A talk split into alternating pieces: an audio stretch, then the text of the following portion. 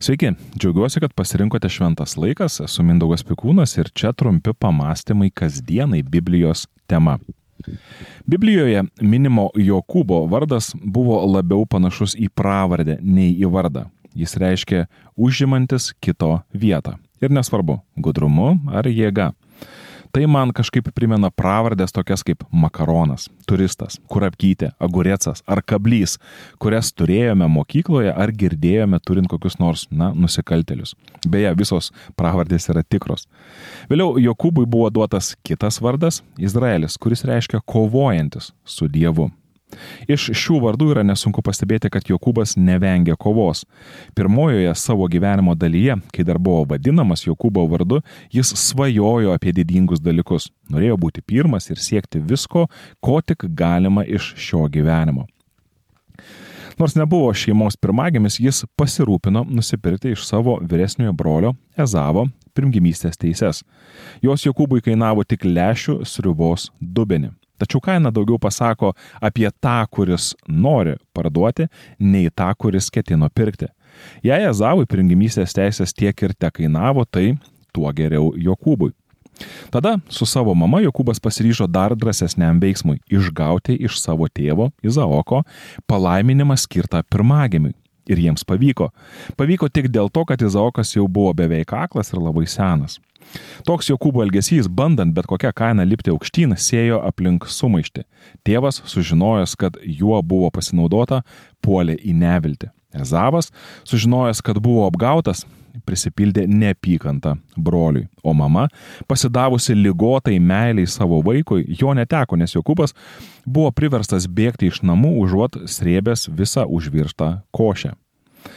Palikęs namus Jokūbas nesustoja. Žinoma, jis bėga, nes jaučia pavojų, tačiau jis bėga, nes reikia iš gyvenimo dar daugiau ko gauti ir negali lėpi, lėtinti uh, tempo.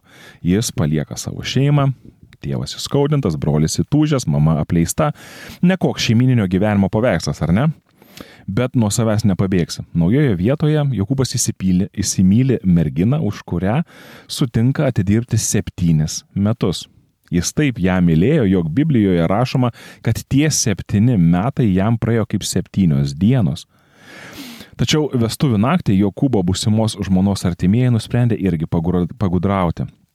Negerai buvo, kad jaunesnioji Rachelė ištekėtų anksčiau už vyresnėje seserį vardu Lėja buvo sugalvotas planas - merginas apkeisti. Sunku pasakyti, kaip planas pavyko, ar dėl to, kad jaunosios būdavo taip pasipuošę, kad į save nepanašios, ar kad palapinėje buvo taip tamsu. Bet Jokūbas tiesiog nepastebėjo ir vieną naktį vedė, galima sakyti, dvi žmonas. Visa, šito, ši, visa ši situacija man yra vaizdingas simbolis Jokūbo aklumo. Jis pasinaudojo pakusiu tėvu, kad gautų ko nori, tačiau dabar buvo pasinaudota jo nematymu, jo aklumu. Jokūbas priima tokį gyvenimo posūkį kaip vyras ir iš susidariusios situacijos ketina išspausti visą, kas geriausia. Dabar jis turi iš karto dvi žmonas ir atrodo per daug nepergyvendamas priima gyvenimą tokį, koks jis yra. Jis sugalvoja planą, kaip pasinaudoti savo žmonos, dabar jau žmonų artimaisiais, kad susikrautų savo nemenką turtą. Jokūbas apsukriai tvarko savo gyvenimą, nes pasak Biblijos pasakojimo ir patį Jokūbą supo sukti žmonės. Jokūbas daro viską, kad išliktų ir kaunasi už buvį kaip koks liūtas, kol vieną dieną jis tiesiog priima sprendimą grįžti į gimtuosius namus.